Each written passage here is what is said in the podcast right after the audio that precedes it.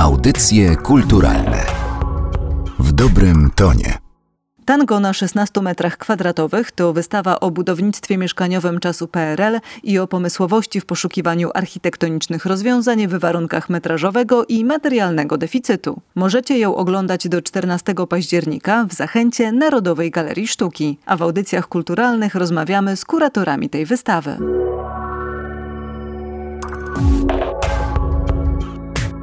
Dzień dobry, nazywam się Aga Batkiewicz, jestem współkuratorką wystawy Tango na 16 metrach kwadratowych. Ja chciałabym wyjść od tytułu tej wystawy. Ile par byłoby w stanie zatańczyć tango właśnie na 16 metrach kwadratowych? Myślę, że niewiele, bo 16 metrów kwadratowych to spore wyzwanie dla każdej aktywności, czy mieszkaniowej, czy fizycznej.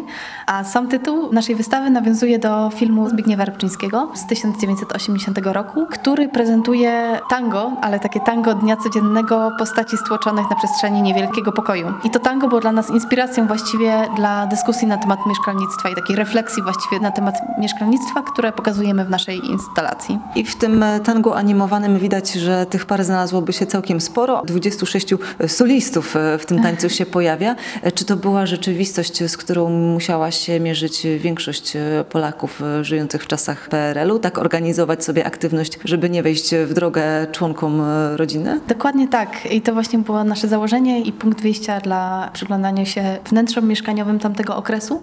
Mieszkaliśmy na niewielkiej przestrzeni, to po pierwsze, po drugie często z całkiem sporą wielopokoleniową rodziną i z problemem tego mieszkalnictwa, intensyfikacji przestrzeni musieli się zmierzyć i sami użytkownicy, i państwo, i projektanci, i przemysł i tak naprawdę wszystko to skumulowało się naszym zdaniem w przypadku meblościanki, która stała się symbolem dla naszej wystawy i stanowi główną część instalacji na wystawie. Meblościanki, która choć była taka sama w wielu mieszkaniach, to wcale tam tak samo nie wyglądała. To prawda. Ta meblościanka Ścianka zaprojektowana przez małżeństwo Czesława i Bogusławy Kowalskich trafiła do masowej produkcji po konkursie, który został zorganizowany na początku lat 60 i bardzo szybko zagościła w naszych mieszkaniach, ale też równie szybko przeszła różnego rodzaju modyfikacje, ponieważ sama meblościanka musiała zostać dostosowana do różnych przestrzeni. To po pierwsze. Po drugie, nie wszystkie segmenty były dostępne, więc w tym temacie również Polacy wykazywali się kreatywnością. A po trzecie, ona sama przez dekady dostosowywała się do zmieniających się mód, ale dostosowywała się również do naszego życia i w pewnym sensie stawała się takim archiwum całego życia, gromadząc materiał i gromadząc różnego rodzaju pamiątki, które tam były przechowywane. Ja się zastanawiam, czy w jakiś sposób moglibyśmy określić, e, od kogo ta sytuacja polityczna, która miała wpływ e, na mieszkalnictwo w tamtym okresie, od kogo wymagała większej inwencji? Czy od architektów, którzy w jakiś sposób próbowali się wykazać, mimo tego, że dyrektywy były odgórnie ustalone i trzeba było się do nich stosować? Czy od tych, którzy próbowali te identyczne mieszkania urządzać w sposób e, jak najbardziej indywidualny? Jeszcze biorąc pod uwagę to, że dostęp do mebli był utrudniony i jak już się pojawiły, to, to i tak mogli kupić po prostu e, to samo. Myślę, że tak naprawdę to była inwencja i architektów, i samych mieszkańców. Ma Pani rację, że właściwie architektów obowiązywały dokładnie te same ramy i te same normatywy, które wtłaczały zwykłego obywatela w przestrzenie mieszkaniowe. I architekci również starali się mierzyć z tym problemem. Przykładowo pani architekt e, Halina Skibniewska pracowała nad takim tematem, początkowo teoretycznie, ale również w praktyce mieszkania zmiennego dla wielopokoleniowej rodziny, która znalazłaby się na takim niewielkim metrażu. Jej projekt dla mieszkania zmiennego zakładał właściwie, że takie mieszkanie powinno dostosować się do zmieniających się potrzeb rodziny w zależności od struktury tej rodziny. I w tym również służyła jej meblościanka, która stanowiła pewnego rodzaju ścianę działową między przestrzeniami wspólnymi a intymnymi i która generowała właściwie takie przestrzenie dla osobnych użytkowników tego mieszkania. Te rozważania zostały częściowo zrealizowane w projekcie Sadów Żoliborskich tutaj w Warszawie. A co może nam powiedzieć o sytuacji politycznej czy gospodarczej kraju mieszkanie? Bo okazuje się, że przynajmniej w tych e, czasach PRL-owskich mogło nam powiedzieć o tym całkiem sporo. To jedna część pytania. A druga, co nam mówi o tych samych czasach to, co było publikowane w magazynach wnętrzarskich? Bo to też jakby kolejne zupełnie inne zagadnienie, bo dyrektywy sobie, rzeczywistość Polaka sobie, a magazyny wnętrzarskie to już zupełnie trzecia oddzielna sprawa. Magazyny wnętrzarskie to bardzo ciekawy rodzaj właściwie archiwum, jeżeli chodzi o takie wnętrza tamtego okresu. I przeglądając te magazyny z dekady na dekadę można zobaczyć nie tylko zmieniające się trendy, ale również zmieniające się myślenie o użytkowniku mieszkania, zmieniający się język piszących te artykuły, czyli od takiej bardzo nowoczesnej wizji przyszłości, niemalże utopijnego kształtu przyszłości lat 60., od przedruków z zachodnich magazynów pojawiających się w czasopismach typu Ty i ja, do takiej właściwie akceptacji rzeczywistości lat 70. i próby znalezienia realnych rozwiązań dla tych problemów, aż po taki totalny eskapizm lat 80., kiedy niedobór praktycznie wszystkiego zmuszał nas do bycia bardzo kreatywnym i zmuszał nas również do majsterkowania i wytwarzania samemu swoich własnych mebli, reperowania tego, co się znajduje w mieszkaniu. Nie tylko o perelowskiej e, meblościance jest e, ta wystawa, pokazujecie też to, jak się teraz mieszka w mikroapartamentach, czyli w czymś, co w zasadzie istnieje istnieć chyba nie powinno, bo apartament i mikro to nie są słowa, które hmm. specjalnie się łączą. A mikroapartamenty to dla nas takie ekstremum właściwie mieszkania na niewielkiej powierzchni. I ma Pani rację, że właściwie jest to pewnego rodzaju oksymoron. Z jednej strony mamy przed oczami jakieś przestrzenie luksusu i wydaje nam się, że mierzymy się z czymś bardzo szczodrym, jeżeli chodzi o apartamenty. Z drugiej strony to słowo mikro gdzieś sprowadza nas na ziemię i mamy wrażenie, że jednak jest to niewielka przestrzeń. I na wystawie prezentujemy kilka zdjęć z takiego eseju zdjęciowego Kuby Certowicza, który został wykonany na potrzeby wystawy i który pokazuje takie doraźne sposoby radzenia sobie w codziennych sytuacjach i dostosowywanie swojego życia i swoich przyzwyczajeń do przestrzeni. Odwiedziliśmy wnętrza mieszkań we Wrocławiu i sprawdziliśmy, jak użytkownicy kształtują swoją przestrzeń na co dzień właściwie, te przestrzenie luksusu ale jak kształtują tą przestrzeń i radzą sobie z takimi bardzo podstawowymi brakami, typu brak pralki w mieszkaniu, czy może bardzo mała kuchnia. I chociaż część mieszkańców e, jest e, zmuszona niejako do tego, żeby na takim metrażu mieszkać, bo dostosowujemy wielkość mieszkania do wielkości naszego portfela, ale a propos tych małych mieszkań, jest jeszcze jeden trend, trend minimalistyczny, czyli ludzie, którzy z własnej woli starają się mieszkać w miejscach, które teoretycznie moglibyśmy uznać za, za małe, dajmy na to dla mhm. czteroosobowej rodziny? Myślę, że to po części ma też związek z takim nomadyzmem i tym, że gromadzimy coraz mniej przedmiotów w pewnym sensie, ponieważ sami z siebie albo w sposób przymuszony zmieniamy miejsce zamieszkania bardzo często. Zmieniamy je, ponieważ poszukujemy pracy albo przenosimy się do innego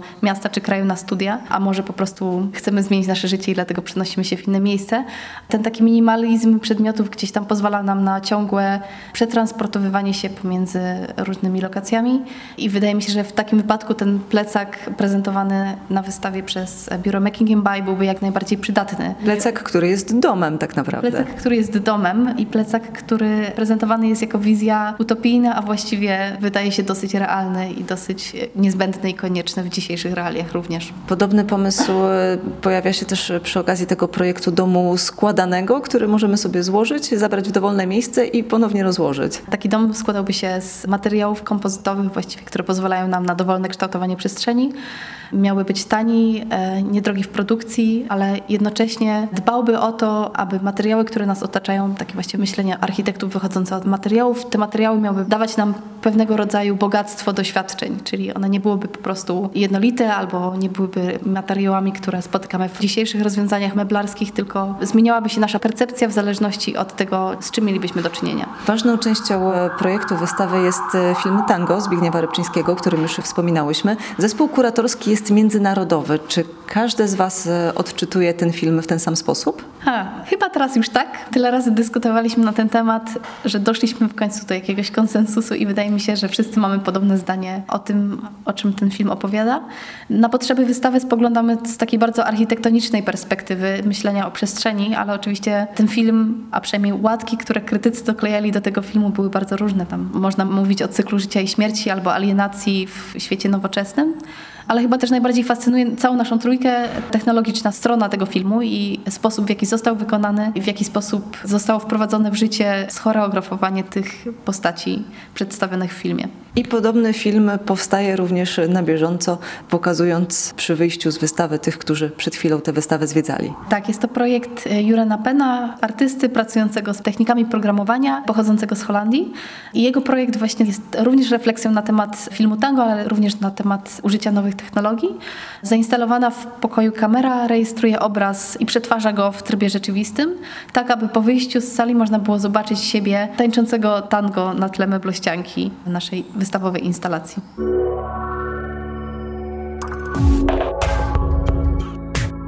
Zanim rozpoczęliście pracę nad tą wystawą, kiedy oglądaliście zdjęcia polskich mieszkań z czasów PRL-u, co myśleliście o tamtym mieszkalnictwie? Bo wydaje mi się, że Polacy, nawet jeśli sami nie mieszkali w tego typu mieszkaniu, ani nie mieli dziadków, którzy rzeczy trzymali w meblościance, to i tak chociażby z popkultury wiedzą, czym ona jest.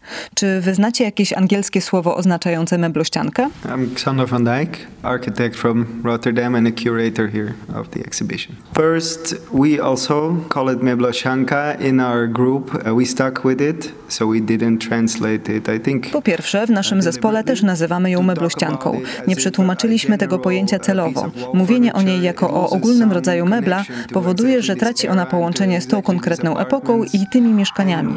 Uważamy też, że mimo, że jest to ściśle określone pojęcie, to może też funkcjonować bez swojego kontekstu. Być może w przyszłości, kiedy będę poruszał tę tematykę i będę chciał coś komuś wytłumaczyć, nadal będę posługiwał się słowem meblościanka. Zwróciliśmy uwagę na to, że z biegiem czasu meblościanka, która wciąż jest obecna w mieszkaniach, stała się czymś więcej niż funkcjonalnym meblem. Jest oprawą dla ludzkiego życia. Używa się jej nie tylko, żeby przechowywać przedmioty, ale w zasadzie do wszystkiego. Prezentuje pasję, hobby, kolekcje. Myślę, że to piękna strona meblościanki, która wypycha ją poza kontekst PRL-u. Every activity in the apartment. A part of Meblościanka is uh, for their passions, their hobbies, their collections.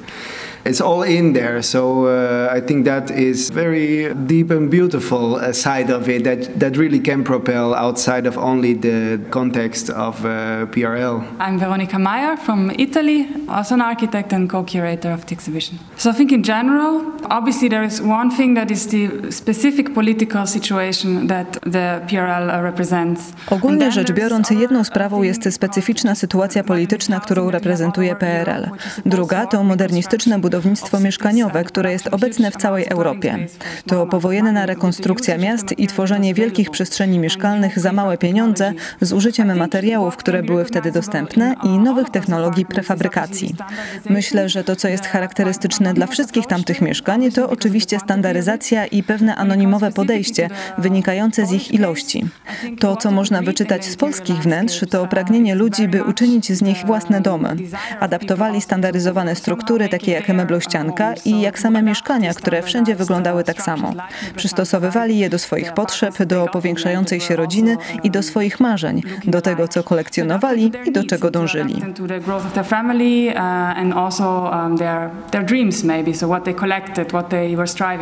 Czy myślicie, że ludzie z zagranicy, przede wszystkim z zachodniej strony Europy, odnaleźliby się w mieszkaniach z meblościanką? Czy byłaby dla nich pożądanym meblem? I think uh, in some ways they already do. Meblościankas Myślę, że na swój sposób już to robią. Meblościanki są obecne w różnych wersjach, w różnych miejscach, ale nie mają tam tego połączenia, o którym mówiłem wcześniej. Wydaje mi się, że wszyscy troje uważamy, że meblościanka nawet w tym swoim dużym i pojemnym pojęciu zdecydowanie ma potencjał, by sprawdzić się na całym świecie. Warunki życia na małej przestrzeni w obszarze miejskim są uniwersalne.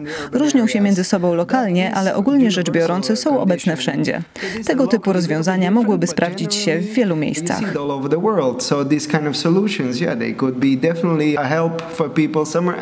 A czy pani mieszkała kiedyś w mieszkaniu z meblościanką? Pamiętam to jak przez mgłę, ale mieszkałam w takim mieszkaniu, tak. Zdarzyło mi się. Bardzo szybko się jej pozbyliśmy, jak zresztą w przypadku wielu mieszkań, ale myślę, że sprawiłabym sobie jeszcze jedno.